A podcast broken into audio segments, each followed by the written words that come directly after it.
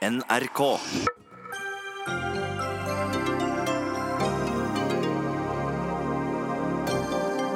Drømmen om ferjefri E39 kan henge i en tynn tråd. Bredere veier bør prioriteres før dyre broer, mener Venstre. Det er vill vest i hytteutbygginga her til lands, mener SV, og beskylder regjeringa for frislipp på fjellet og ved sjøen. Den private helsegiganten Unicare selger sykehjemmene i hovedstaden og skylder på det rød-grønne byrådet. Frp svarer med belønningsordning til kommuner som vil tilby private helsetjenester. Og Norges våpenpolitikk er farlig, hevder Changemaker. Norge har verdens strengeste våpenlovekspert, eh, nei, våpeneksportlov skulle være. Og det svarer Høyres Michael Tetzschner.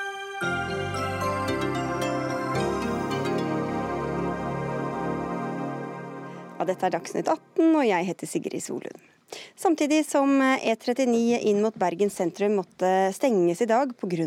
en vannlekkasje, er hele prosjektet om ferjefritt E39 satt i spill.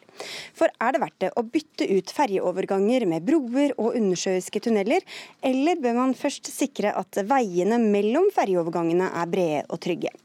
Nå spør nemlig politikere og næringsliv langs vestlandskysten om det er penger til begge deler. For seks år siden lovet regjeringa 150 milliarder kroner til eh, prosjektet ferjefritt E39. I dag har prislappen krøpet opp til nærmere 340 milliarder. Atle Hammer, du er leder for Venstres distriktsutvalg, eh, ved siden av å være statssekretær i Klima- og miljødepartementet. Og til VG i dag så sier du at man burde prioritere å ruste opp dårlige vestlandsveier før man bygger tunneler og broer. Hva betyr dette egentlig?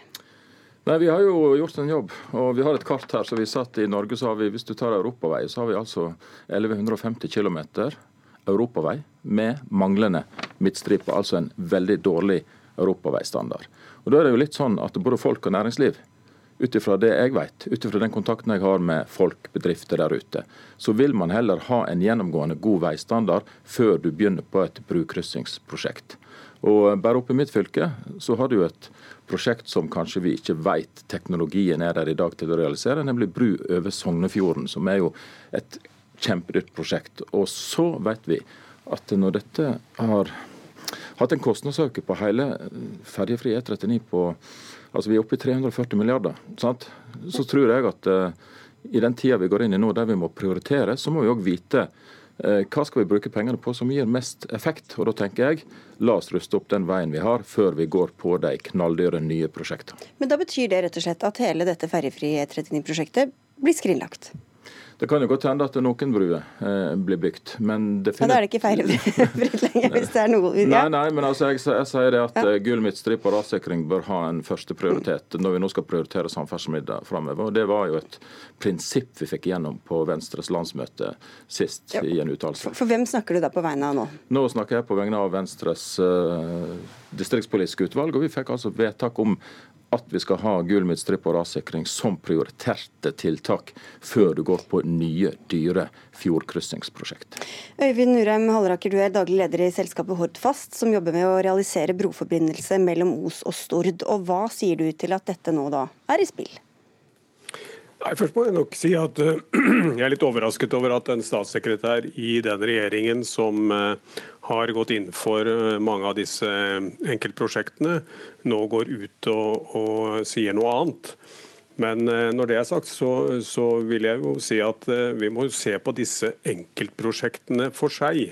Og, og se på de som da allerede er vedtatt, som ligger inne i NTP som er altså svært Nasjonal transportplan, for alle som ikke er helt ja, inne i sjargongen? Ja.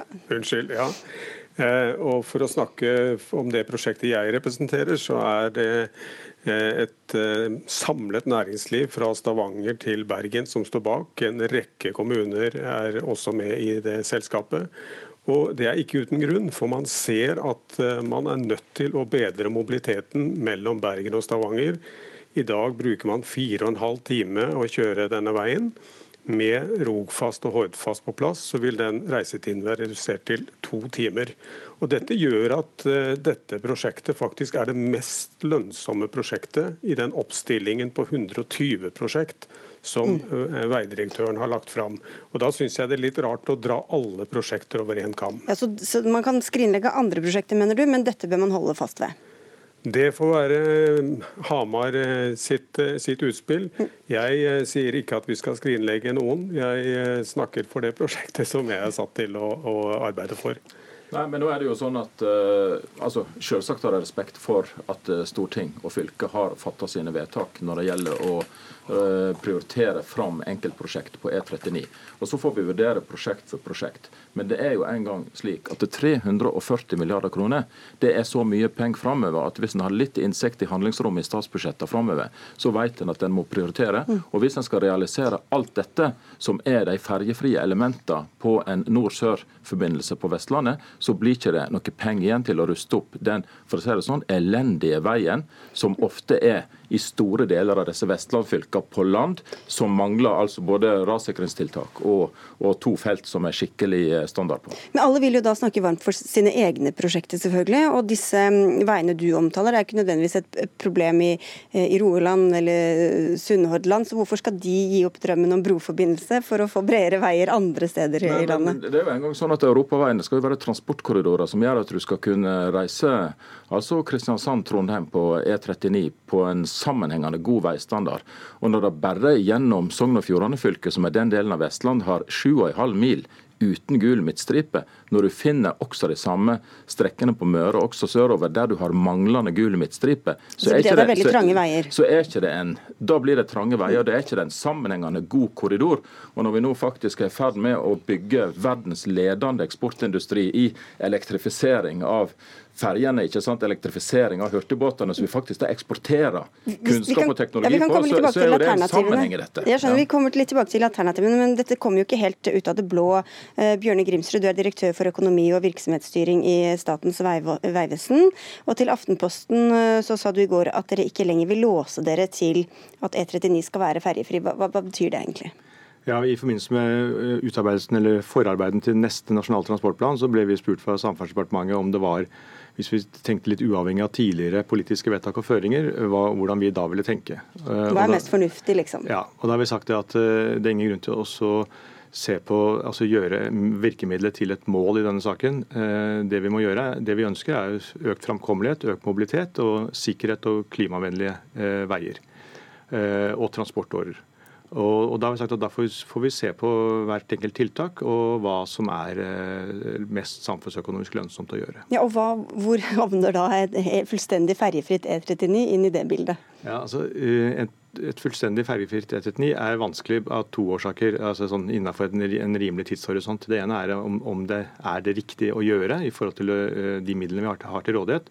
Og det andre er jo størrelsen av som har vært nevnt her, altså det totale finansieringsbehovet som både over statsbudsjettet og med bompenger vil være veldig stort uh, på et sånt prosjekt. Og Derfor så har vi sagt at, at vi må tenke, tenke, nytt, og vi må tenke hva vi gjør på, også på mellomlang sikt i forhold til å utvikle framkommeligheten for de midlene som vi får stilt til rådighet. Ja, og Hva er da det mest lønnsomme ut fra de midlene? Ja, Noen steder vil det være bro, og noen steder vil det være tunnel. og Vi har utvikla noen prosjekter som vi syns er veldig gode. Eh, andre steder så vil det kanskje være høyfrekvent ferge som vil eh, gi et totaltilbud eh, som er eh, det beste. Altså et ferger som går oftere enn det de gjør ja, i dag? Ja, går, går veldig, altså, veldig mye oftere enn det som går i dag. Og som også går, er tilgjengelig døgnet rundt. Altså ny teknologi som gjør at dette, dette blir lønnsomt og samfunnsøkonomisk lønnsomt. Det er noen prosjekter som trekker opp prisen voldsomt. Et av dem har vært, eh, vært nevnt her mellom eh, Stord og, og, Os. Hvordan eh, faller det ut i deres regnestykke? Ja, Det er et, sånn som vi ser på nå, et, et samfunnsøkonomisk lønnsomt prosjekt. Men, men, vi skal jobbe videre med alle prosjektene. så Vi ser ser totalt sett hva vi, hva vi, ønsker å gå videre med, og, eller hva som vi ønsker å anbefale at man går videre med. Men ferjefritt, det ligger det ikke an til å bli. Ja. Som trekker opp prisen. Eh, det er noen titalls ja, milliarder der også, men eh, det er jo mange eh, prosjekter som gjør, selvfølgelig. Men la meg bare få, få på plass de milliardene. For det, det, Statens vegvesen har gjort en grundig jobb med å få kostnadene ned, og det jobber de fortsatt med. Og så er det viktig å si at, at brukerne, altså de som tar ferjene i dag, vil betale 14-15 av de milliardene i, i, for å få avløst den ferja og heller få den faste forbindelsen. Og etter 15 år så blir eh, betalingen borte, og det blir gratis. Det har det blitt i alle ferjeavløsningsprosjekter. Så om prosjektet koster noen og 30 milliarder, så er Eh, noe over halvparten som, som, altså skal betales av staten. Så det er ikke så veldig stort innhugg i de 340 milliardene til, til Hamar. Men det er mange prosjekter her. Jon Askeland, du er fylkesordfører i det nye fylket Vestland og representerer Senterpartiet. Hva vil du si er viktigst for vestlendingene? Å få bredere veier eller um, ferjefrie krysninger? Nei, jeg kvapp jo litt når jeg hørte utspillet. Og jeg håper jo at uh, regjeringen her ikke uh, setter stopp for alt. Jeg hører i løpet av debatten nå at nå er det et mer nyansert bilde. For oss så er det noen prosjekt som er kommet så langt at vi må jobbe videre med fjordkryssinger. Og så er det på noen plasser der vi ser at det er nyanser som kommer fram. Der vi sier at god og tjenlig vei mellom ferjestrekningene vil være en god løsning lenge. Men det er veldig viktig for meg og på vegne av de folkevalgte som skal bygge det nye Vestlandet, at for oss må vi ha infrastruktur som bygger det nye Vestlandet, vestlandsfylket sammen.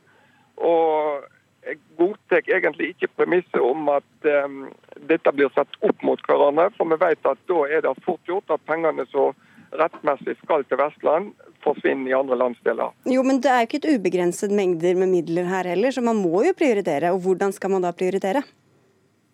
Ja, og hvis vi ser framover, så er jeg med på en del nyanser. men eh, det er også, eh, Og de føler jeg kommer fram nå, men jeg syns det kom litt uh, skummelt ut av startblokka her. Hvis det er regjeringspolitikk samme dag som en vedtar statsbudsjettet, at en skrinlegger hele prosjektet.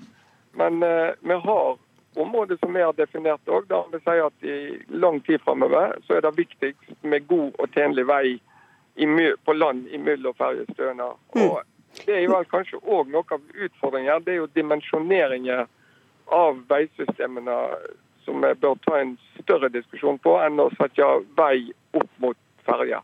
Så delvis støtte her, eh, Hamar. Men til det som jeg avbrøt deg litt på, disse elferjene. Hva mener du, hva kan det løse på sikt da, i, i disse, på disse strekningene? Altså På en del av disse strekningene, så hvis du har eh, en større frekvens eh, på ferjerutene, så venter du aldri mer enn 5-6-7 minutter, sånn som jeg gjør på Lavik-Oppedal-sambandet, der den første batterielektriske ferja Ampere begynte å, å gå.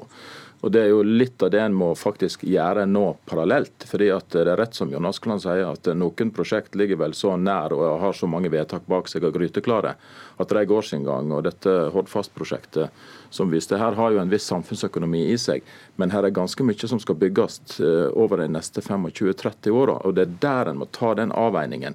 Er det hensiktsmessig her å heller kjøre opp et høyfrekvent ferjesamband på nye batteridrevne elektriske ferje, som vi da faktisk bygger òg en industri. I stor grad på Vestlandet er det at vi faktisk nå bygger en industri som er leverandør som er leverandører også internasjonalt og eksporterer denne teknologien. Sånn at vi, vi, er på vei mot noe her som uh, funker. Og så vet jeg at uh, Lastebileierforbundet og mange andre sier det at rydd opp i den elendige veien som er mellom ferjeleiene først, og så får vi bygge brua etterpå. Det får være et prinsipp. Så har dette vært et prestisjeprosjekt for uh, i hvert fall noen deler av regjeringa.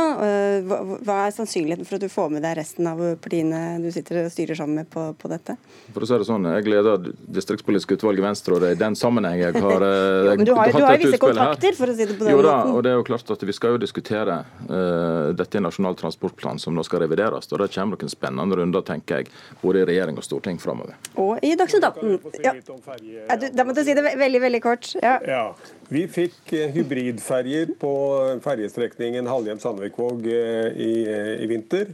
Det ble satt inn fire kjempestore ferjer, tar 200 biler hver. Og Da gikk farten ned, så nå bruker ferjene 45 minutter på den distansen som vi på et fast forbindelse skal bruke 11 minutter på. Mm. Og Det sier seg selv at skal vi sette inn enda flere ferjer, de laster og losser på fem minutter, det er rett og slett ikke mulig. Her er for stor trafikk, og denne trafikken knebles av ferje Eh, enten det er det eller det andre fremdriftssystemet på ferja. Ok, Grims, du skal få siste ord her. Ja, Dette handler om et uh, prosjekt som er langt perspektiv, og da gjelder det ikke å binde seg for, til én type teknologi i mm. tidlig fase. Så det er ikke sikkert at selv om det tar 14 minutter nå, så er ikke det fasiten på om, om 20 år? Nei, det er det vi tenker at vi må være åpne for. Okay. og vi vet Teknologien skrider så fort fram at dette blir bedre og bedre. Men dere, takk skal dere ha i denne runden. I hvert fall Atle Hamar, eh, i denne anledning leder for Venstres distriktsutvalg. Bjørne Grimsrud, som er direktør for økonomi økonomi og virksomhetsstyring i Statens vegvesen, til Øyvind Halleraker, daglig leder i Hordfast, og Jon Askeland, fylkesordfører i Vestland. Dagsnytt 18 alle hverdager kl. 18.00 på NRK P2 og NRK2.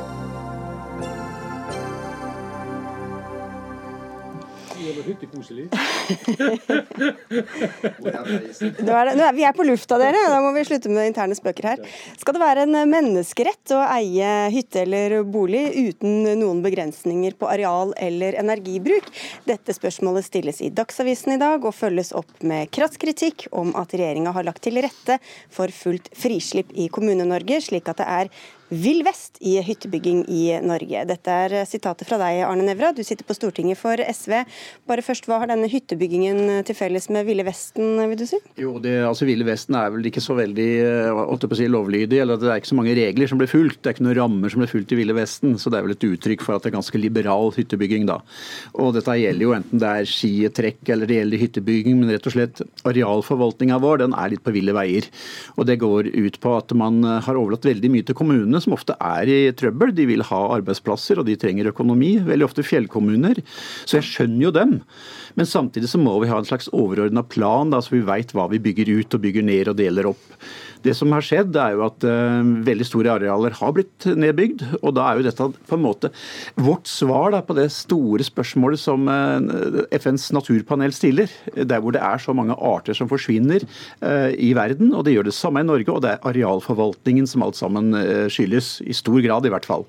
Og da er vi ikke flinke nok til å planlegge sånn at det blir det det blir. Det er en bit for bit nedbygging av Norge, og det går veldig fort. Ove Trellevik, stortingsrepresentant og medlem av kommunalkomiteen fra, fra, Høyre. Hva sier du til disse beskyldningene? Frislipp? Nei, på ingen måte. Og de som har prøvd å, å sette seg opp i hytte, vet, vet at det er overhodet ikke sånn det er i praksis. Dette er tidkrevende og lange prosesser, og hvor eh, samfunnet har stilt enorme krav til kommunene. og og, og, Det er mange interessenter som blir hørt i disse planprosessene når kommunene skal lage, lage, kommuneplaner. Og Det er jo ikke sånn at det er frislipp at hvilken som helst kan bygge seg i hytte. Alt er i henhold til plan.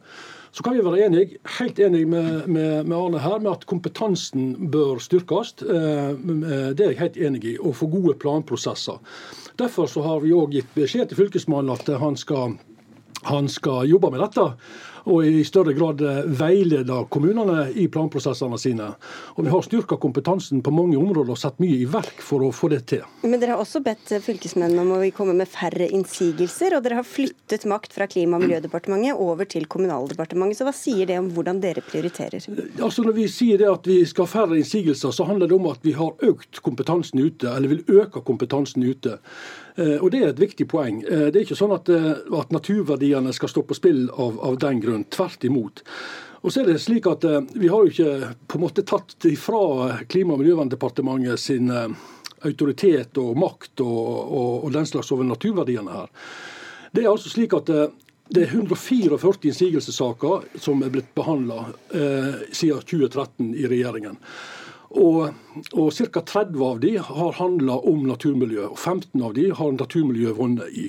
Sånn at det er en veldig liten prosent som handler om, om, om dette. Derfor er det naturlig at det ikke ligger i Klima- og miljøverndepartementet, men at det ligger i Kommunaldepartementet. For Klima- og miljødepartementet, når vi hadde forrige borgerlige regjering i 2015, 2005, så viste statistikken akkurat det samme Nemlig at kommunene fikk, eh, fikk, eh, ble lytta til i planprosessene, og at lokaldemokratiet ble vekta høyt.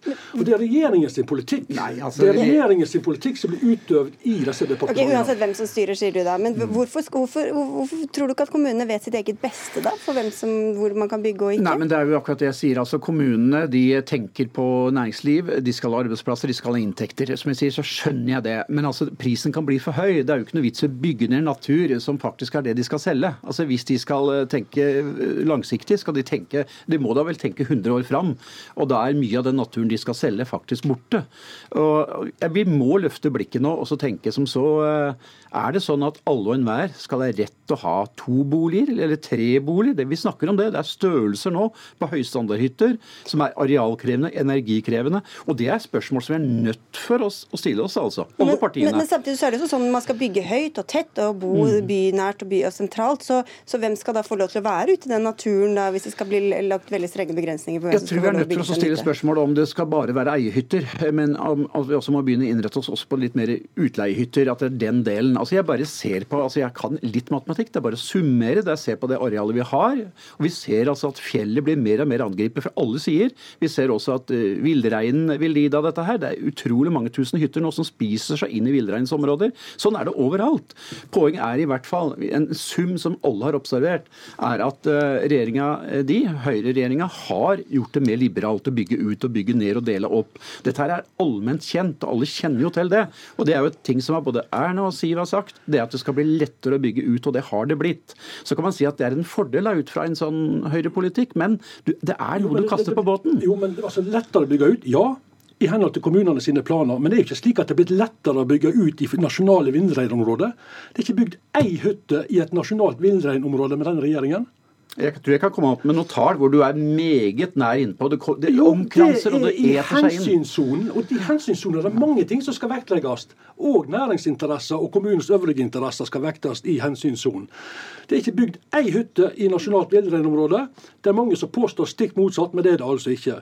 Så kom regjeringen med en kongelig resolusjon her i mai med nye planretningslinjer for hvordan kommunene skal planlegge. Det vektlegges både miljø, klima og naturmangfold. Ja, men, men, men hvordan, blir det vektlagt, hvordan blir det vektlagt i, og det overordnede hensynet til naturen eh, når hver enkelt kommune får så mye makt over, og, og med disse interessene som også skal veies med tanke på inntekter, arbeidsplasser osv.? Ja, og så har vi da eh, gjort det eh, lovpålagt eh, fylkeskommunene å eh, arrangere regionalt planforum. Og Da skal kommunene komme med sine ønsker og sine behov og sine tanker når det gjelder en hytteplan f.eks. Og Da skal Fylkesmannen og andre interesser komme med sine motsegner og sine innspill så tidlig som mulig at det er ikke vits i å komme noen motsegn. Altså, ja, de De tør ikke lenger å legge ned eh, en innsigelse. Jeg har jo sett dette her i praksis. Jeg har sett det i Flå. Jeg har sett at 1800 høystandardhytter skulle bygges i Flå. Denne saken med Turufjell kjenner du sikkert til. Fylkesmannen turte ikke lenger å legge ned en, en innsigelse, men de hadde en ransalt kritikk av den planen. Det de gjorde, var på en måte å låne argumentasjon til fylkeskommunen som la ned innsigelse. Men det hjalp ingenting, for det ble vedtatt at det kom inn til departementet. Og Hadde det ikke vært for den nye liberale praksisen i denne regjeringa, så hadde det blitt stoppa. Det er et klassisk eksempel. Og Hvis, liberal, altså dere ville liberalisere, så, blir, så, er det blitt liberalisert? Blitt, altså, jo, det, det var vel det sånn dere ville ha det, da? Vi har jo masse areal å ta av, men poenget er at du skal hensynta naturmiljø og hensynta klima eh, på god måte. Og men skjer det da, syns du? Ja. Jeg syns det ser veldig mye. Du sa det sjøl her, at, eh, at, eh, det blir eh, sentralisert. Det blir hyttefelt. Det blir ikke tillatt overalt. Det handler om fortetting, og det handler om å utnytte de allerede utbygde arealene som vi har. Det er ikke nødvendig å punktere et helt nytt fjellområde dersom du har et annet fjellområde som du kan bygge litt videre på. For det handler om infrastruktur, veier. Og det må kommunene planlegge. Det er de som sitter nærmest dette. Det er ikke meg og deg som skal sitte og planlegge ute i kommunene. Heller ikke noen i regjeringen. Det er kommunene sjøl som kan gjøre den jobben best. Greit. Jeg kan jo røpe at Den interne spøken gikk på at vi skulle få det ordentlig hyttekoselig her inne. Jeg vet ikke om vi fikk til det helt, men vi får i hvert fall si takk for at eh, dere kom begge to. Ove Trellevik fra Høyre og Arne Nævra fra SV.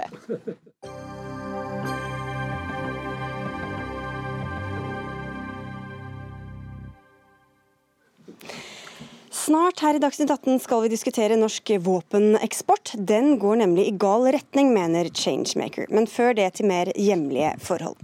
For Stavanger gjorde som regjeringa ville, og slo seg sammen med Rennesøy og Finnøy, og det skjer altså fra årsskiftet. Men nå mister den nye kommunen 70 millioner kroner i inntekt neste år pga. en ny regel i statsbudsjettet, skriver Klassekampen. Og ordfører Kari Nessa Nordtun eh, i denne nye eh, Stavanger kommunen, hva er det regjeringa har gjort som fører til dette inntektsfallet for dere? Det regjeringen har gjort, er at De har fremmet forslag om at takstene på bolig- og fritidseiendom skal reduseres med 30 fra 2020. Eh, og Problemet for oss er at forslaget innebærer betydelige begrensninger for eh, utskriving av eiendomsskatt for kommuner som står i en kommunesammenslåingsprosess, eh, i motsetning til kommuner som ikke slår seg sammen. Og Når vi nå slår oss sammen, så, så, gjør jo det som du sier, at 70 millioner kroner mindre har vi da å rutte med når vi skal legge fram vårt budsjett i morgen. Eh, og Det opplever vi som ganske urettferdig, at vi blir straffa på denne måten fordi vi står i en kommunesammenslåingsprosess. Men da får dere også 82 millioner kroner til å dekke utgifter til overgangen, så da bør jo det være ganske godt dekket inn? Nei, det er det ikke. Vi ser den Nettoinntekten netto vi har hatt som følge av kommunesammenslåingsprosessen, den har vært på en vel 30 millioner. Så det er jo langt på nær nok til å dekke det inntektstapet vi nå får som følge av regjeringen sin politikk. Jørgen Esje, du er statssekretær i Finansdepartementet. Hvorfor har dere innført denne regelen om at da sammenslåtte kommuner ikke får innføre den skattesatsen som man selv ønsker? For det første må jeg si at jeg er på innbyggernes side her. Jeg syns det er veldig bra at det Fremskrittspartiet har fått gjennomslag for eh, på Stortinget om å få redusert eh, maksimal eiendomsskattesats og redusert verdsettelse, at det fører til at det blir mindre eiendomsskatt på innbyggerne, det syns jeg er kjempebra. Og så har vi en regel som gjør at kommunene skal harmonisere eiendomsskatten, men da skal jo ikke de bruke det året før de skal harmonisere til å skru opp eiendomsskatten. Så det er bra for innbyggerne at eiendomsskatten går ned, og det syns jeg er et godt gjennomslag for Frp i regjering. Men det sier Du det, det, du er på innbyggernes side, men det går samtidig utover de tilbudene til eh, innbyggerne. Hvorfor stoler du ikke på at kommunen selv klarer å, å bestemme hvor mye man skal ha inntekter og utgifter for å dekke behovene til de samme innbyggerne? Vi ønsket å sette ned maksimal eiendomsskattesats, for vi ser at kommunene skrur opp eiendomsskatten hele tiden. Og vi hører jo her også, her hyler man fordi eh, man ikke får kreve inn så mye eiendomsskatt som man vil. Jeg mener i et eh, kommunebudsjett på 11 milliarder kroner, så klarer du å finne en innsparing på 70 millioner som det er her. Altså en, en milliard, det er 1000 millioner. Det bør du klare. og kan, Der kan de snu hver sten i budsjettet. Det skylder man skattebetalerne å bruke pengene så fornuftig som mulig, på best mulig måte. og det, Den jobben bør de starte, og ikke øke eiendomsskatten. Njorten. Ja, jeg, jeg eh, dette høres ut som ganske maktarroganse fra Oslo. Vi har gått til valg på at vi fortsatt skal ha eiendomsskatt. Det er vi som har flertall i kommunestyret i Stavanger. Og så får vi dette tredd over hodet fra Oslo. Det syns vi ikke er greit. En kan mene da mye om eiendomsskatt, men det vi opplever her er en, en forskjellsbehandling i motsetning til andre kommuner, fordi vi står i en kommunesammenslåingsprosess. Og Dette får vi vite nå i høst. Eh, og Det kan godt være at statssekretæren vet hvor han skal kutte i Stavanger, men det sliter vi med å finne ut av. fordi det, det, det, betyr for oss konkret, det er drift av 65 sykehjemsplasser for eksempel, som da må legges ned, eller over 100 stillinger innenfor skolen i Stavanger. Og Det er kutt ikke vi har lyst til å ta, det er ikke kutt som vi har blitt stemt for at vi skal ta. og Det er det regjeringen som trer ned over hodet på oss, mot vår vilje og mot folket som har bestemt. Du bør jo absolutt ikke begynne å kutte på de tingene du nevner der. Du kan se på andre ting. Jeg har sett at Stavanger kommune f.eks. har eh, et kulturbudsjett som eh, betyr betyr 1000 kroner mer per innbygger i kultur enn i f.eks. Oslo, så der kan du begynne å lete. Men dette er jo den politikken som innbyggerne har stemt på, da. Det er jo den de ville ha.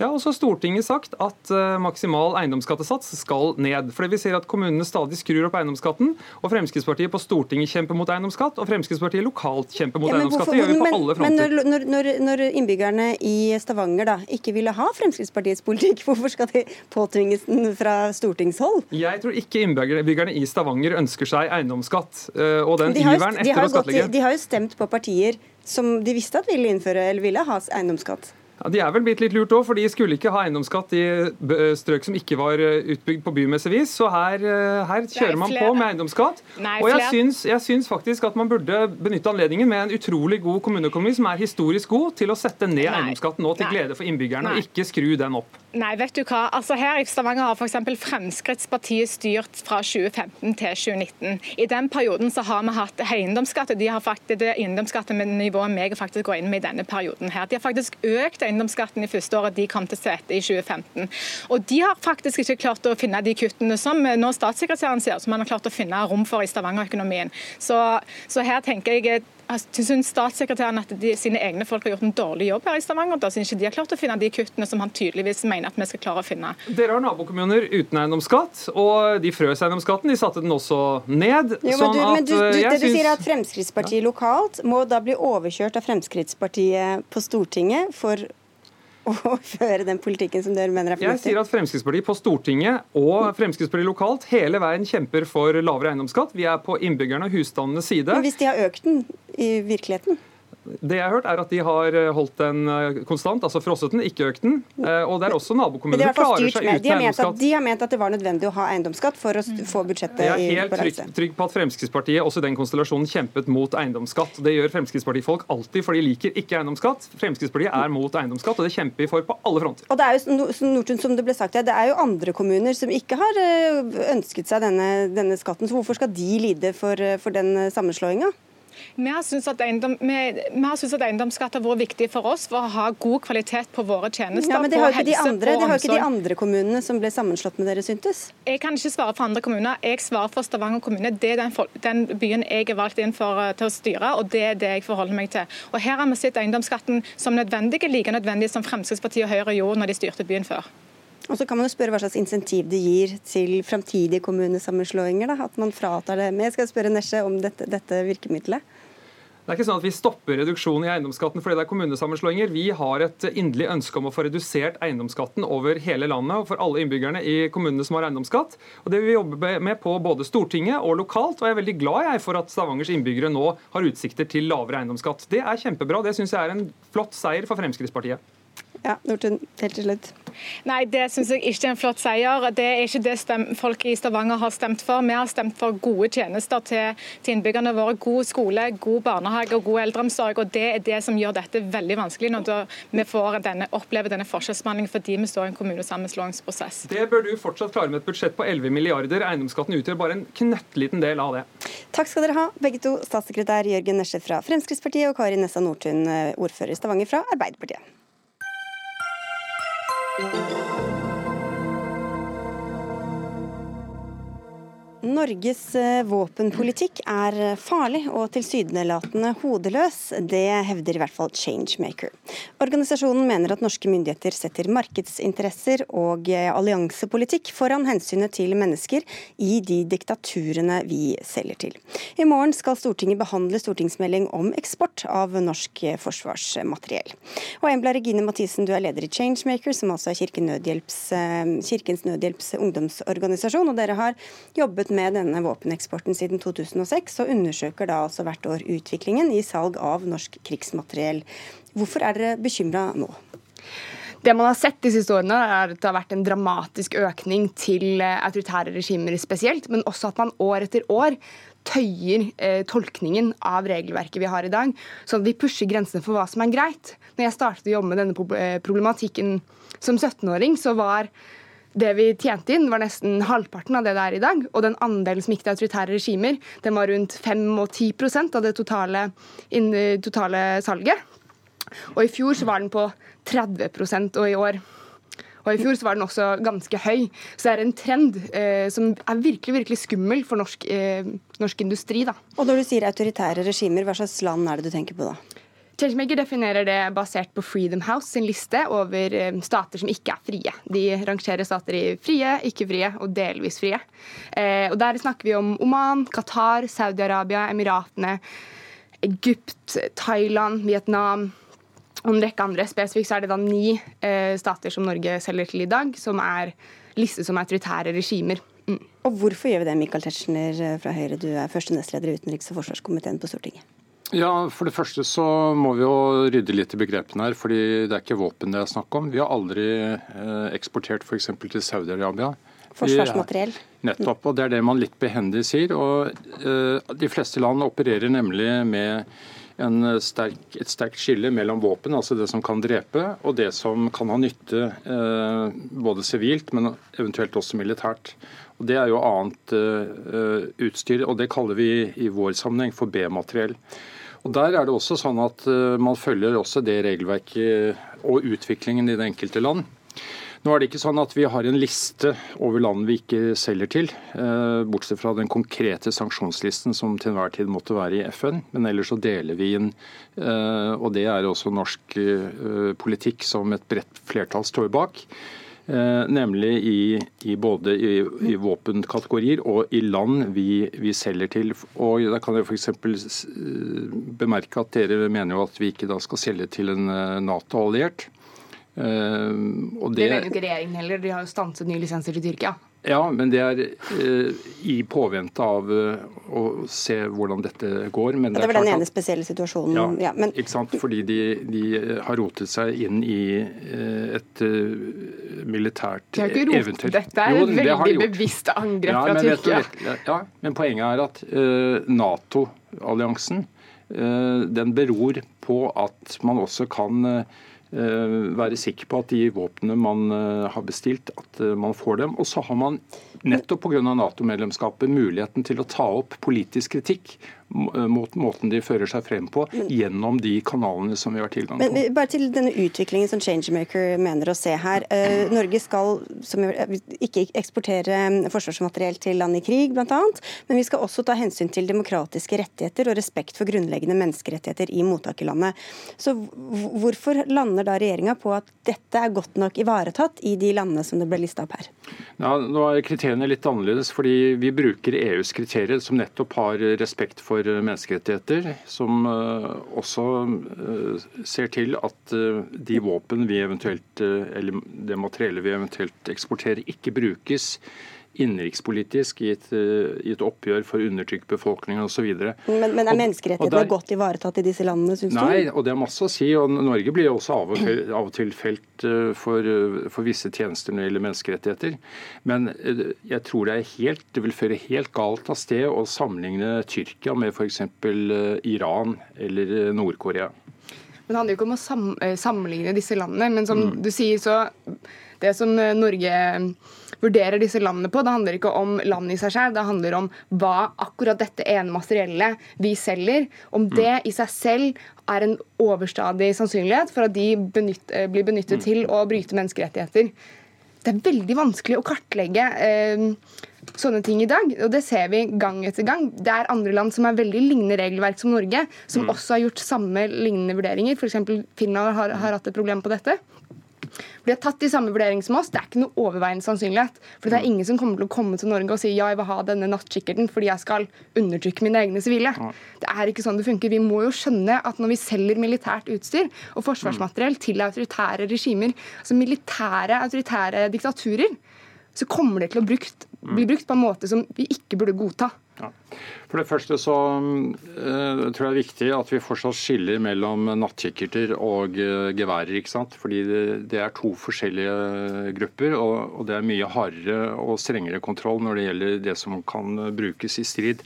Og Det er det skillet uh, alle vestlige land også bruker i sine, sin politikk. Men så har jeg lyst til å si at vi har underkastet oss EUs regelverk. Vi har underkastet oss ATT, som er en FN-konvensjon hvor man nettopp legger inn disse kravene til at mottakerlandet skal forplikte seg eh, til å ikke bruke disse i, en viss sammenheng, at man skal ha sluttbrukererklæringer osv. Så, videre. så det som har størst virkning, det er at Norge stadig samordner seg med både allierte og med EU-området, slik at vi kan eventuelt da ha en kraftfull og samlet front mot de landene som viser en dårlig utvikling. Samtidig så skal jo Norge også ta en selvstendig vurdering selvfølgelig i hvert enkelt tilfelle. og Da er jo også kritikken at Norge ofte ligger etter andre land, f.eks. nå i, i situasjonen med Tyrkia. Og med situasjonen i Saudi-Arabia og med Emiratene. Det er jo en, en, trend her som ikke handler om hva, at ikke Norge tar en ærlig debatt om hva er det verdiene eh, vi ønsker at denne politikken her skal være festet på. Dette handler om markedsinteresser og markedsandeler for Norge. Hvor er det vi kan tjene penger? Er det, galt, er det noe galt i det, da? Hvis det handler om våpen, så syns jeg det. Dette ja, handler om hva slags land vi ønsker å styrke militært. Ja. Men så eh, La oss uh, gjøre en ytterligere presisering. Det er jo ikke Norge som selger disse våpnene. Vi har 110 bedrifter som har arbeidsplasser rundt omkring, høyteknologisk, som også driver med andre ting, som er avhengig av denne komponenten for for å være konkurransedyktige. De kan vi ikke hindre hvis de eh, lager datterselskap i andre land med mer sloppy tilnærming til dette. Og Da ser vi at vi taper arbeidsplasser, også eksportinntekter. Fordi det er helt legalt for suverene stater å ha våpen. Det å ha våpen til selvforsvar det er i samsvar med folkeretten. Og så må vi passe på at disse våpnene vi tilfeldigvis kan selge fordi de er konkurransedyktige, Ehm, ikke havner de gale stedene. Og kan du gi meg et eksempel på at vi selger våpen eh, som eh, ATT i FN eh, ikke tillater, eller at vi på noen måte ligger etter det som er EUs anbefalinger. Jeg ser ikke bort fra at det finnes enkelte land som, som vil være enda mer idealistiske, men Norge følger begge disse regimene. Du kan svare avslutningsvis her. Ja, jeg har ikke noen konkrete eksempler på det, men samtidig så ser jeg at UDs måte å eh, vurdere hvorvidt vi kan selge videre, det er også en praksis som Stortinget, Stortinget ikke engang klarer å være enige om hvordan vi skal tolke regelverket vi har i dag. Og Derfor er det veldig merkelig, syns jeg, at innstillingen fra komiteen som skal opp i morgen, ikke heller sier ja til sivilsamfunnets ganske sterke ønske om at vi skal ha en offentlig gjennomgang av regelverket som nettopp skal tydeliggjøre hva dette betyr. Fordi opposisjonen er ikke engang enige over hvordan vi skal tolke regelverket i dag. Og eh, jeg er jo åpenbart heller ikke enig med dere. det har vi skjønt. Er, veldig, veldig kort det, det, at eh, partienes representanter melder inn forskjellig i en kommentar til Stortinget som skal behandles i morgen, og det er veldig fint. Jeg må også si jeg setter pris på det engasjementet som NGO-ene og dere representerer, for det skjerper oss. Men så er det sånn at det regelverket vi har, og som vi forvalter ganske lojalt, vil jeg påstå, det har vært det samme i skiftende regjeringer, også under Arbeiderpartiet. Ok, Så får vi høre om det i det hele tatt skjer noen ting når denne skal opp i morgen. Det er så vidt jeg meg bekjent bare SV som har innvendinger, men takk skal dere ha begge to. Michael Tetzschner fra Høyre og Embla Regine Mathisen fra Changemaker. Hør Dagsnytt 18 når du vil. Radio NRK Radio.nrk.no.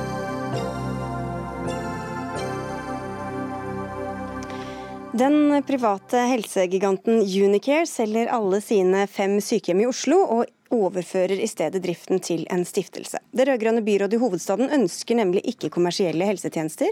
Og konsernsjef Kristoffer Sundby i Unicare, du sier til Dagens Næringsliv at dette er en politisk framprovosert beslutning. Så hadde dere ikke noe annet valg? Eh, vi hadde et valg om å drifte ut eh, kontraktene, eh, men vi hadde også et annet valg, og det var å jobbe mot en løsning hvor vi finner en annen partner som kan ta det vi har skapt de siste ti årene sammen med Oslo kommune, videre. Og Vi har vært veldig opptatt av å finne en sånn løsning, og utrolig glad for at vi har funnet en sånn løsning og funnet en veldig verdig partner i Lovisenberg, eh, som kan ta dette videre helhetlig og samlet. Da slipper vi å, å drive i, avle, i, i, nedleggingsmodus de neste halvannet årene. Ja, for hva er det som har skjedd som gjør at dere tar denne beslutningen akkurat nå? Signalene fra byrådet sånn som vi opplever det, har vært, eh, har vært, klare. Eh, vi pleier å si at vi driver ikke politikk, men vi leser avisen. Samarbeidet med sykehjemsetaten har vært fremragende og, og godt, men vi har jo åpenbart sett Eh, og fått med oss det eh, politiske ordskiftet, og ser at eh, vår tid var i ferd med å renne ut i, som leverandør av sykehjemstjenester i Oslo kommune. Og nå selger altså disse fem til den private stiftelsen Diakon, Diakonissehuset Lovisenberg. Så hva får dette å si for de ansatte, for de som bor der, for pårørende osv.? Ja, Vi har vært opptatt av én ting hele veien når vi har levert sammen med sykehjemsetaten, og det er kvalitet og innovasjon og medarbeidertrivsel. At folka våre skal ha det bra, bra, på jobb. Og Med den løsningen som vi nå har funnet med Lovisenberg, så, så kan vi fortsette eh, med det.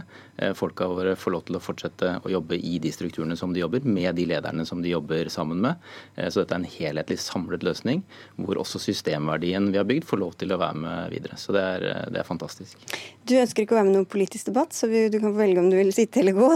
Takk skal du ha for at du var med, i hvert fall. Robert Steen, du er helsebyråd byråd fra Arbeiderpartiet Robert Steen, i, i hovedstaden. Er dette en politisk seier at de nå trekker seg ut? Ja, Om det er en politisk seier kan vel sikkert debatteres. Eh, men det er riktig som Kristoffer Sundby sier, at eh, vi har vært ganske klare i våre politiske signaler i de litt over fire årene som vi har sittet med styringen i Oslo. Eh, vi ønsker at eldreomsorgen i Oslo skal være et område hvor man ikke skal ta ut overskudd og tjene penger på. Vi ønsker at skattepengene som går til eldreomsorgen, primært skal gå til de eldre. Så Sånn sett så kan man vel si at det er en politisk seier. Men en del av disse sykehjemmene har vært veldig rost. Folk har vært veldig fornøyd med dem. Mm. Og selv om det nå foreløpig, eller i første rekke blir en overtakelse med de samme ansatte og lederne, så er det ikke gitt at det vil fortsette på, på, lang sikt. Så Hva med den usikkerheten som mange kanskje føler på nå? La meg benytte anledningen eh, det var dumt at Kristoffer Sundby gikk, eh, til å takke Uniker for de ti årene de har vært i en kontraktssituasjon med Oslo kommune. De har gjort en god jobb. Eh, jeg får gjøre mitt, og vi får gjøre vårt for at den jobben skal fortsette. Også etter at Uniker trekker seg ut av dette. Jeg har ingen grunn til å tro at de kommunale eller ideelle aktørene skal gjøre noen dårligere jobb enn Uniker, så jeg tror ikke de gamle i Oslo skal være noe engstelige for dette. Stortingsrepresentant for Fremskrittspartiet, Åshild Brun Gundersen. Dere reagerer på det som skjer nå, men vi hører det, det blir jo business as usual, fortsetter på samme vis. Hva er det som er så farlig med det? Altså, dette viser jo med all tydelighet hva som skjer når Arbeiderpartiet går i allianse med ytterste venstrefløy i eh, norsk politikk. De tydelige skillelinjene mellom Fremskrittspartiet og den sosialistiske byrådet i Oslo er jo at vi mener at vanlige folk er best i stand til å velge selv, mens Arbeiderpartiet nå mener at eh, Arbeiderpartiet er best til å velge for folk. Og De har jo drevet en aktiv heksejakt på private aktører i Oslo lenge. Nå ser vi at de har lykkes med det, dessverre. Unicare selger seg ut, og det mener vi i Fremskrittspartiet er sterkt beklagelig. De har altså drevet noen av de mest populære og beste sykehjemmene i Oslo. De har vært opptatt av kvalitet. De var f.eks. først ute med å etablere en fotballpub, eh, spa for eldre og restaurant. Og de, Istedenfor å få takk for den fantastiske innsatsen de har gjort, sier dere altså Han sa takk, og så ga han de en kald skulder og skyvde de ut av, jo, men, av kulden. Men, men, hvis beboerne ikke vil merke noen forskjell, det er de samme menneskene som skal jobbe der, det samme som skal lede sykehjemmet, hva er problemet da? Altså Åpenbart så vil det være en forskjell. Unicare har etablert dette tilbudet i Oslo. De har vært først ute på en rekke innovasjonspunkter. Nå rekommunaliserer byrådet det. Og jeg syns faktisk Robert, at byrådet i Oslo burde skamme seg. Her har man hatt en reell valgfrihet i Oslo i over ti år, eh, som innbyggerne i Oslo har vært godt fornøyd med, og dere driver en ideologisk kamp og skyver de ut i kula.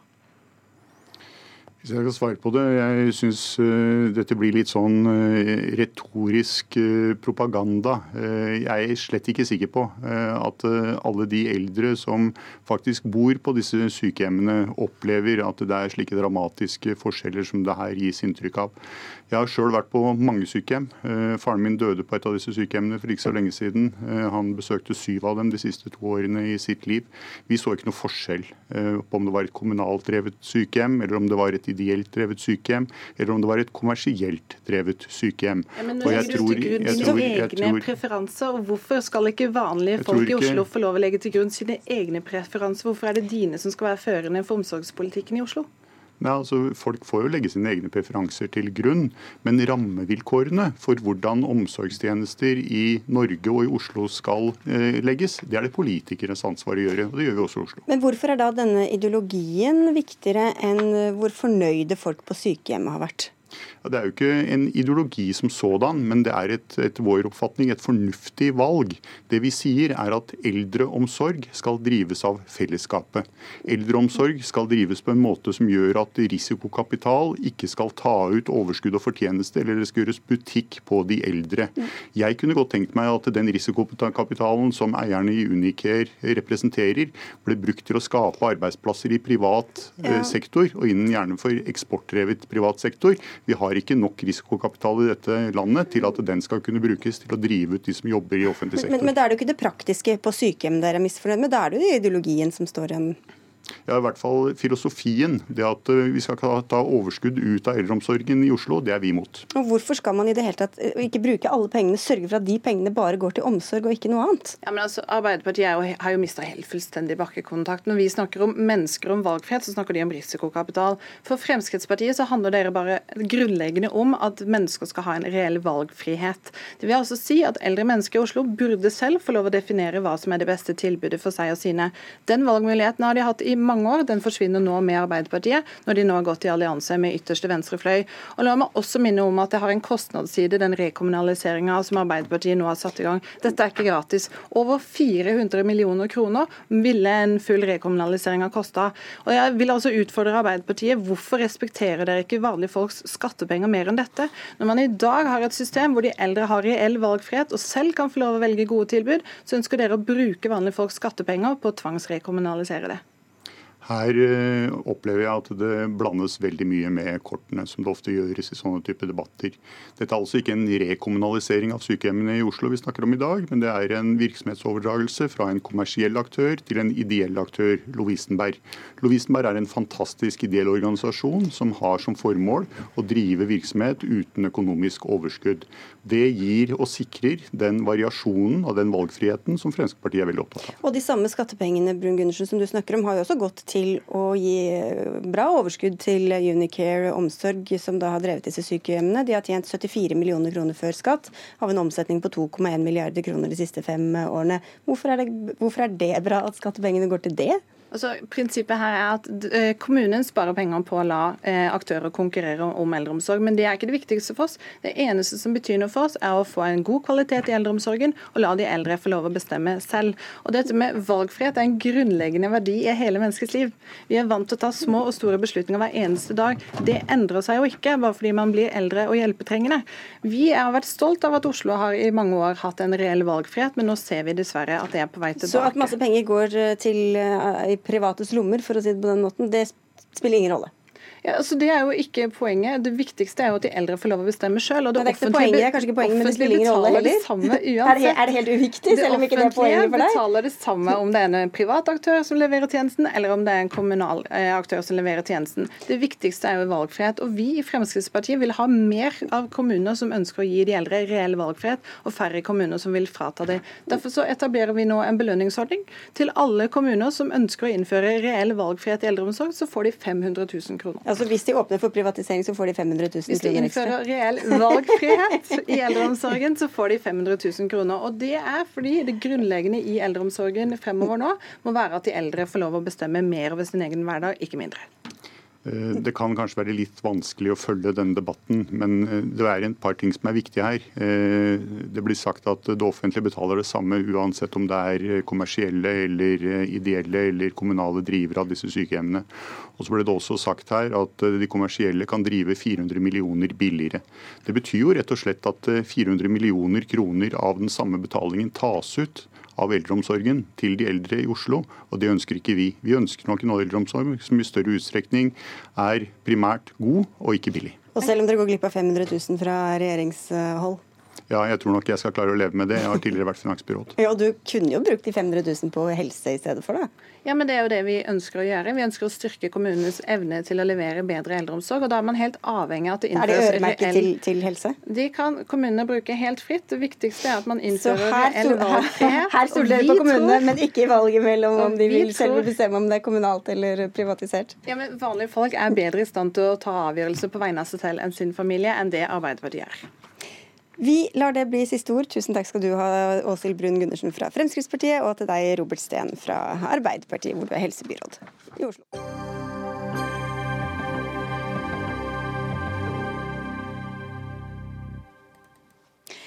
Da regjeringas reiselivsmelding ble behandlet eh, på Stortinget for to år siden, var det et solid flertall mot innføring av turistskatt.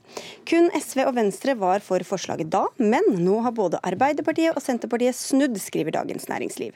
Og dermed er det flertall blant partiene på Stortinget for å innføre skatt på turisme. Stortingsrepresentant Geir Pollestad fra Senterpartiet, hvorfor har dere snudd i denne saken? Når verden forandrer seg og problemene eh, forandrer seg, så må også løsningene eh, endre seg. Vi ser at i deler av landet så er presset veldig stort. Eh, det er behov for tilrettelegging for eh, reiselivet. For mange av kommunene er dette en stor utfordring. Og da ønsker vi at turistene sjøl òg skal være med og betale noe av den eh, regninga. Og det visste dere ikke i 2017? Jo, men vi har fått tydeligere og tydeligere signal om at dette er en utfordring. I tillegg har regjeringa kutta i de pengene som fylkene kunne bruke til å legge til rette for dette. Sånn at nå er det mange plasser i landet der det er eh, store problemer. Det er økende motstand mot reiselivet. og Da mener jeg at eh, en turistskatt eh, vil være et viktig bidrag for å skape mer positivitet og legge bedre til rette for turistene. Sånn en har mange andre plasser i verden. Ja, F.eks. ved at man legger på en 20-kroning på hotellovernattingen i døgnet som en mulig innretning. Men Ole Mikael Bjørndal, du er næringspolitisk fagsjef i NHO Reiseliv, og du sier at en sånn skatt ville være dypt urettferdig. Hva er det som er urettferdig ved det? Ja, nei, altså Verden forandrer seg, som Pollestad sier, og vi ser jo at veksten fra utlandet flater ut. Fordi momsen har jo økt to ganger nå på få år. Eh, med 50 eh, på overnatting i Norge og transport. Altså Norge har blitt et dyrere land, og Norge er allerede dyrest i Europa. Det er kun Island som er dyrere enn oss på, på pris på hotell og, og serveringssteder. Eh, og Når vi i tillegg har sett at formuesskatten faktisk har økt for overnattingsbedrifter også, så har, er driftsmarginen nå nede i null. Og De pressområdene som Pollestad beskriver, de er preget av én ting, og det er cruise. Og hva er det cruise ikke gjør? De betaler ikke avgifter og skatter til Norge, og de har heller ikke samme arbeidsplassene til Norge. Så det å legge en, en begrensning eller en, en skatt på, da, på overnattingssteder og andre reiselivsaktører vil være dypt urettferdig, for det er ikke de som skaper disse utfordringene. Og føy, føyse turistene over på cruiseskipene i stedet for inn i norske hoteller. Ja, nå er det jo ikke, altså Senterpartiet har jo mot denne økningen i, i, momsen som har kommet, og vi mener at disse tingene må ses i sammenheng, sånn at vi senker momsen, altså inntektene til staten, og så innfører vi lokal turistskatt som kommunene får. Så egentlig overfører vi bare penger fra staten og til kommunen. Ja, men Betyr det at dere bare får turistskatt hvis dere får redusert momsen, eller? Det, vi vil jo gå inn i forhandlingene med det som uh, utgangspunkt. og Så uh, har ikke vi låst oss til noen som helst uh, modell, og det skal være lokalt å bestemme om man ønsker dette. Og Jeg vil svært gjerne ha en ordning som også omfatter cruiseturisme. Og at de òg må være med og betale. Og Der har ikke vi en ferdig løsning. Vi mener at regjeringa må utrede dette og komme med et forslag til løsning som kommunene kan ta i bruk hvis kommunene ser behov for det, og hvis kommunene ønsker det. Ja, Kan man ikke se for seg en sånn ordning? Nei, det syns jeg ikke. Eh, for det første så Jeg var jo nylig i dag med debatt med Arbeiderpartiet, og de har jo ikke vedtatt noe momssenkning i det hele tatt. Så hvordan utfallet av det blir, er jo høyst usikkert. Og begge partiene her har jo også i tillegg vedtatt økning i formuesskatten. Så utgiftsnivået til reiselivet er potensielt økende med dette her. Eh, og Vi hadde jo en debatt tidligere i dag hvor Stavanger ønsker å øke eiendomsskatten. og På samme måte så ønsker, man, kan man også se for seg at kommuner vil bruke turistskatten til å øke og øke eh, utgiftsnivået. Eh, og som igjen da vil ramme urettferdig. De har, Dette er distriktsfiendtlig også, Pollestad. fordi her er det faktisk distriktshotellene er de som sliter mest i Norge. Driftsmarginen er null, og særlig i distriktene så går man nedover. Og man har ikke fått hentet inn prisdifferansen man pga. de momsøkningene som har vært de siste årene. Så har det mange som har opplevd at bunnlinja har sunket og sunket. Så dette er ikke god distriktspolitikk. Her opplever jeg at NHO veldig har Oslo-brillene på seg. For vi legger jo til grunn at kommuner rundt om i landet ønsker turisme, og ønsker å legge til, eh, rette for uh, turisme, og at de dermed vil være svært forsiktige hvis de frykter at turistene vil ja, For dette vil være en kommunal skatt som man kan selv bestemme over om man vil innføre eller ikke, men at ja. loven bare skal si at du, du er tillatt å, å gjøre ja, og det. Dette vil jo være aktuelt i de uh, områder av landet der uh, en nå ser lokalt at det er et sånn press for reiselivet at det kan gå utover det reiselivsproduktet vi har. Og jeg tenker at Lokalpolitikerne må kunne gjøre disse vurderingene langt bedre enn det eh, NHO greier å gjøre. Og så gir vi litt virkemiddel, sånn at det kan gi turistene en bedre opplevelse, og at vi får best mulig turisme, og ikke flest mulig turister. Og så ser vi at Noen vil eh, ha cruiseturismen vekk og, og liksom ha en annen type turisme ja, enn den man har i dag. Hvorfor ikke gi kommunene flest mulig virkemidler til å styre selv? Poenget er at mange kommuner allerede i dag klarer dette uten turistskatt. Det er ikke lenger sånn at eh, man kan lese om dopapir rundt husdøren i Lofoten. De har tatt grep. Til den lille Uttaklei fikk jo en pris for å håndtere 200 000 gjester i, eh, i, året. Det er 22 innbyggere som har 200 000 gjester, som fikk en pris av regjeringen fordi de har drevet bærekraftig forvaltning. Flere og flere steder steder ser vi at de klarer dette uten mm. turistskatt. Så det er faktisk ikke nødvendig. og det er ikke sånn at Man trenger å legge skatter på dette for å løse problemet. Det viktigste Men det er jo en frivillig skatt for kommunene? Nei, det er, altså, det er ikke frivillig. Det blir jo en tvang. Skatt er tvang. Det som man har i dag, er frivillig fellesgodefinansiering. og Det er faktisk en god løsning, hvor man går sammen hvis man og ser løsninger. F.eks. i Loen så har man klart dette. her. De ønsker ikke turistskatt, de har snakket med deg, men man har en frivillig fellesgodefinansiering. Og Veldig viktig med cruise det er at man må sette et tak på hvor mange som kan komme hver hver dag. Det har man gjort i Bergen, og byrådet der ønsker å redusere det taket ytterligere. og Det tror jeg kan være en lur idé. Så Det viktigste med cruise er å forvalte det og, og sette et tak på det. Og Hvorfor ikke heller bare innføre betaling for å bruke toaletter, eller for å parkere, eller bommer, eller hva det nå kan være? Jo, Det er jo en, eh, en, mulighet som en eh, har, men vi ønsker å gi et eh, ekstra virkemiddel til å ha en, hvis en mener at det er en mer rettferdig løsning å bruke en turistskatt der alle bidrar, så skal kommunene ha mulighet til det. Og det er klart Kommuner som har løst dette i dag, de vil ikke ha behov for denne skatten. For det er ingen tvil om at det vil jo svekke deres konkurranse mot andre deler av landet. Sånn at jeg syns her overdriver NHO kraftig hva betydning dette vil ha. For jeg tror vi har en felles ønske. Altså Det skjer mye bra. Eh, kommunene er med på laget, eh, staten skal være på laget. Og så skal vi få til sånn at vi får best mulig turisme i Norge. Og så er jeg jo helt enig med NHO at det er behov for at kommunene kan sette tak på hvor mange cruiseturister de vil. Men hvor mange tror du lar være å dra til Italia fordi de f.eks. må betale en tier eller 20 kroner? Italia er eh, omtrent halvparten av vårt prisnivå. Det er også viktig å understreke at nå Da merker de ikke forskjell når de er i Norge? Nei, altså, Norge er jo da lengst unna i Europa. Det å komme til Norge, da har du allerede brukt betydelig med midler på å reise hit. så det det å fordyre det elementet allerede ytterligere, det vil være en eh, tabbe. Det var det vi rakk. Tusen takk skal dere ha begge to. Geir Pollestad fra Senterpartiet og Ole Mikael Bjørndal fra NHO Reiseliv. Dagsnytt 18 er ferdig for i dag. Vi er jo tilbake i morgen til samme tid. Det var Anne Katrine Førli som hadde ansvaret for innholdet i sendinga. Erik Sandbråten hadde det tekniske ansvaret. Og jeg heter Sigrid Elise Solund, og vi ønsker en fin kveld videre.